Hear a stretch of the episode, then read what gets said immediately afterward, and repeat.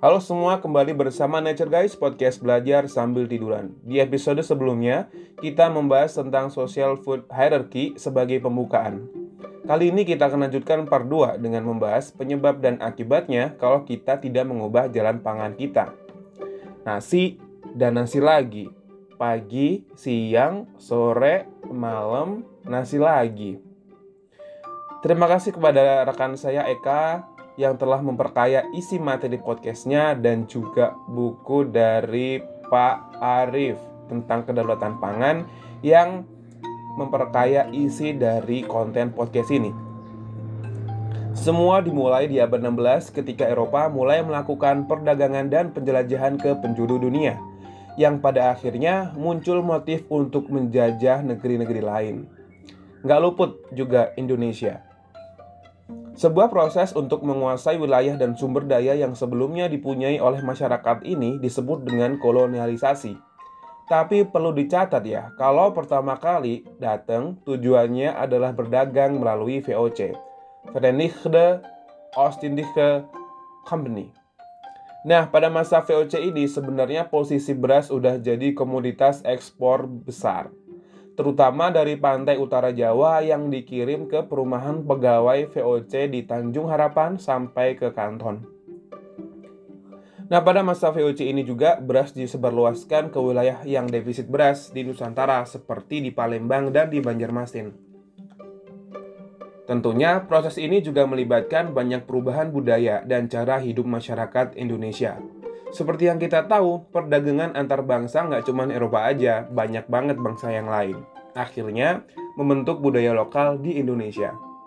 Termasuk gimana cara kita makan. Nah, mungkin teman-teman pernah dengar nih, ada istilah namanya Aristafel, di mana budaya makan Eropa dan Indonesia jadi satu dalam satu meja. Dan, tebak, Rich Tafel itu secara harfiah diambil dari kata rich dan tafel. Rich sendiri itu artinya adalah nasi dan tafel adalah meja. Ya kayak nasi disuguhin di meja. Contoh lain adalah budaya yang kita jiplak dari Eropa adalah kita makan pakai sendok dan garpu. So, jadi sebenarnya kita itu saling mempengaruhi. Ada lagi fakta lain yang menarik tentang identiknya Nusantara dan beras. Selain Richtafel, ada juga lagu tentang Hindia Belanda yang dinyanyiin sama keturunan dari Belanda Mix Indonesia. Yang lagunya ini cerita tentang makanan yang berjudul Chef Mitsmar Nasi Goreng by Tante Witeke van Lord. Dia nggak nyebutin nasi goreng aja, tapi ada kerupuk sambal, ada sate babi, dan lain-lain. Kalau mau tahu dan dengerin lagunya, aku udah cantumin di deskripsi judulnya. Hal ini menunjukkan nasi sudah menjadi memori yang nempel banget buat orang Belanda sendiri, sekalipun mereka konsumsi utamanya keju dan gandum. Tapi tetap, ya dulu politiknya pinter. Era kolonial pakai oposisi biner yang membelah-belah kelompok masyarakat, seperti agama versus adat, modern vs tradisional, deso versus kutro, norak versus necis, dan belahan-belahan yang lain yang bertujuan untuk memudahkan dalam memonopoli sumber daya. Ketika satu memihak, maka untuk memperdaya pihak yang lain jadi lebih mudah, sehingga company punya kebebasan untuk membuat kebijakan. Teman-teman masih ingat kultur style cell yang kita pelajari waktu kita SMP? Sebuah pemberlakuan tanam paksa oleh company kepada pribumi kala itu, yang dibuat oleh Gubernur Jenderal Hindia Belanda Johannes van den Bosch. Berlaku pada tahun 1780 sampai 1844 yaitu mewajibkan setiap desa untuk mengalihkan 20% lahannya ditanami komoditas ekspor kayak tebu, kopi, dan tarum dengan kepastian pasar dan harga. Terus yang nggak punya lahan gimana? Ya kudu kerja sebagai pekerja di kebun milik penjajah beras saat itu. Well, tentu ini banyak versi ceritanya. Dan ada juga arsip yang ceritanya berbeda dari versi yang saya ceritakan tentang kultur stelsel. Yuk, tapi kembali ke tanam paksa. Tanam paksa mengubah sistem pangan kita. Kepemilikan lahan, munculnya buruh murah, dan terjadinya ekonomi petani bergeser dari subsisten menuju ke ekonomi uang. Klaim-klaim lahan sepihak oleh penguasa terjadi pada era ini. Lahan yang tidak bisa dibuktikan kepemilikannya atau dalam bahasa Belanda eigendom akan diklaim sebagai pemilik penguasa, di, di, diklaim sebagai milik penguasa. Ketika era tanam paksa ini berakhir, terbitlah era perkebunan asal Eropa yang membudidayakan kopi, kina, tembakau, dan kelapa sawit. Dikelola intensif sampai-sampai pada paruh pertama abad 20, Jawa mendominasi pasar internasional kina, anti malaria, dan gula. Juga kelapa sawit yang sampai sekarang kita masih bertahan jadi juara. Tapi plot twistnya adalah penjajahan di kala itu membuat orang males nanam nasi karena beban pekerjaan yang dikasih company ke kita itu berat banget. Jadi, orang-orang kita makin mager nanam padi. Secara cuy, padi udah butuh pengawasan yang ketat, perawatan intensif, dan memerlukan banyak waktu dalam sehari untuk memonitornya. Kena air kebanyakan, modar, diserbu burung panen berkurang, dan lain sebagainya. Di kala itu yang teknologinya nggak secanggih sekarang. Ya, tapi nih, selain budidaya beras terutama di Jawa, masyarakat waktu itu juga nanam tanaman lain yang lebih mudah dibudidayakan dan lebih mudah ditinggal. Jadi nggak perlu perawatan intensif seperti ubi dan singkong. Ingat waktu itu juga udah ada BPS. Di Jawa pada tahun 1815 sampai 1940 terjadi perubahan pangan secara drastis dilihat dari luasan pertanian. Beras yang awalnya menempati 79% dari luasan pertanian turun menjadi 49%. Jagung yang awalnya cuma 7% menjadi 25%. Ubi jala dan singkong dari 5% menjadi 15%. Demikian angka tersebut juga mencerminkan proporsi konsumsinya. Hal itu membuktikan kalau tanpa beras pun kita masih bisa makan kok. Dan lahan di Indonesia itu cocok-cocok aja kalau kita nanam tanaman pangan lain selain beras. Titik balik itu ada pada saat kemerdekaan. Kembalinya obsesi pemerintah pada beras merupakan jargon glorifikasi yang digaung-gaungkan pada saat itu. Menurutnya konsumsi beras menjadi pertanda kemelaratan saat itu, Soekarno sadar betul bahwa pangan adalah urusan yang sangat serius. Soekarno menjadikan tema pangan sebagai start dari program kerja beliau pada saat itu. Gak tanggung-tanggung, beliau membentuk badan pemerintah yang bertanggung jawab menangani kebijakan pangan yaitu Panitia Agraria Yogyakarta pada tahun 1948.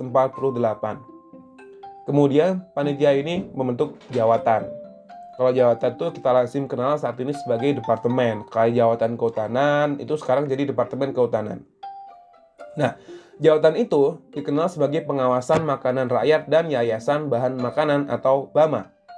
Lembaga inilah yang menjadi cikal bakal Badan Urusan Logistik atau Bulog yang berdiri pada tahun 1967.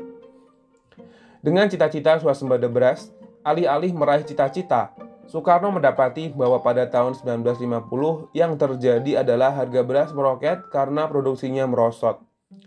Organisasi Pangan dan Pertanian Dunia FAO bilang tahun 1958 kalau Indonesia itu menghadapi krisis pangan. Usut punya usut, penyebab krisis itu adalah peningkatan jumlah penduduk yang drastis banget. Peningkatan produksi beras hanya separuh dari bergandanya penduduk. Soekarno sadar betul bahwa beras itu nggak cukup untuk menopang kehidupan rakyat Indonesia.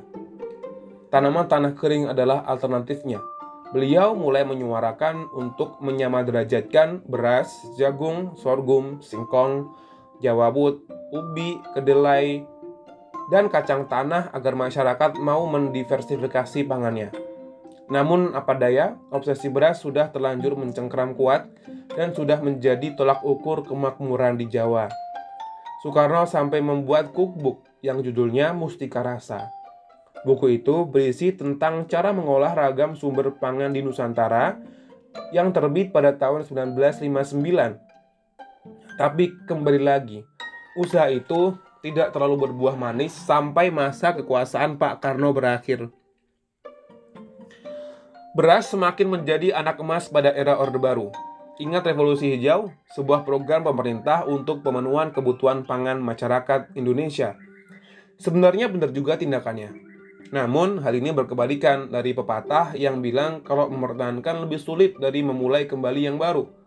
Tapi ini urusannya lebih mudah mempertahankan daripada memulai yang baru. Revolusi hijau menyulap kebun dan tegalan menjadi sawah. Jadi beda kebun, tegalan, dan sawah itu kalau kebun tegalan itu masih punya tutupan hutan, tapi kalau sawah udah nggak ada. Padi bula atau yang bersumber dari bibit luar Indonesia menggeser bibit lokal yang akibatnya akan menghilangkan sebagian keragaman genetik padi lokal kita. Padahal saat itu kita punya lebih dari 600 varietas padi di Indonesia sendiri. Kita lihat angka pergeserannya pada tahun 1954 yang aku acu di Badan Pusat Statistika pada tahun itu. Jadi 1954 sampai 1981 proporsi konsumsi beras nasional yang awalnya 53% menjadi 81%. Ubi dan singkong dari 22% menjadi 10%. Jagung yang awalnya 18% menjadi 7%. Orang yang tidak makan beras dianggap tidak maju atau miskin. Padahal status kita saat ini kita udah impor beras loh. Namun pemerintah tidak menyerah dengan masih berupaya swasembada beras. Di penghujung era kekuasaan Orde Baru, dicanangkan pengembangan lahan gambut sejuta hektar di Kalimantan Tengah. Program ini diharapkan mampu menciptakan swasembada beras. Berujung pada banyaknya konflik multi pihak dan membuat proyek ini tidak berbuah manis. Namun, gak berhenti sampai situ. Pada tahun 2010, Merauke Integrated Rice Estate juga dilanjutkan oleh masa kepresidenan Pak SBY. Program itu membuat pemerintah Merauke mencadangkan 1,2 juta hektar lahan untuk ditanami padi. Menggeser sistem produksi pangan berbasis masyarakat menjadi company based. Hal lain, program ini menuai ancaman bahwa masyarakat akan lebih memilih menggarap sawit daripada menggarap sawah yang keberhasilannya belum bisa meyakinkan mereka. Program MIRE berubah menjadi MIFE, yaitu Merauke Integrated Food and Energy Estate. Ya, kurang lebih sama. Intinya itu swasembada beras. Nilai proyeknya luar biasa, 3,3 triliun, dengan menggandeng Kementan dan aparatur keamanan negara.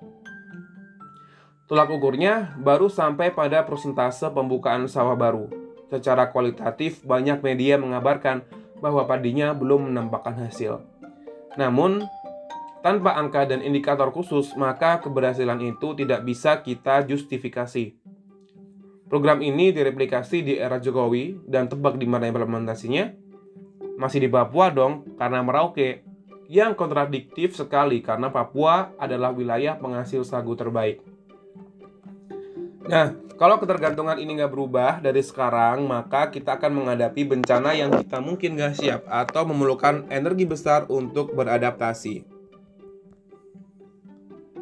Ada kalanya beras ini akan mencapai harga yang tidak masuk akal karena monopoli kronik beras, keterbatasan lahan karena pembangunan yang mengalahkan laju perkembangan riset pertanian, atau pemerintah akan membatasi konsumsi beras per kapita lebih parah lagi, keturunan kita yang ketiga sudah nggak boleh lagi makan beras. Mau?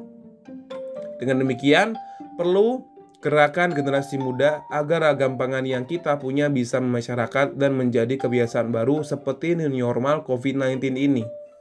Kampanye masif, tersedianya sumber dan bahannya, harga yang cocok dan rasa yang enak, saya yakin akan mengubah gaya hidup pangan kita.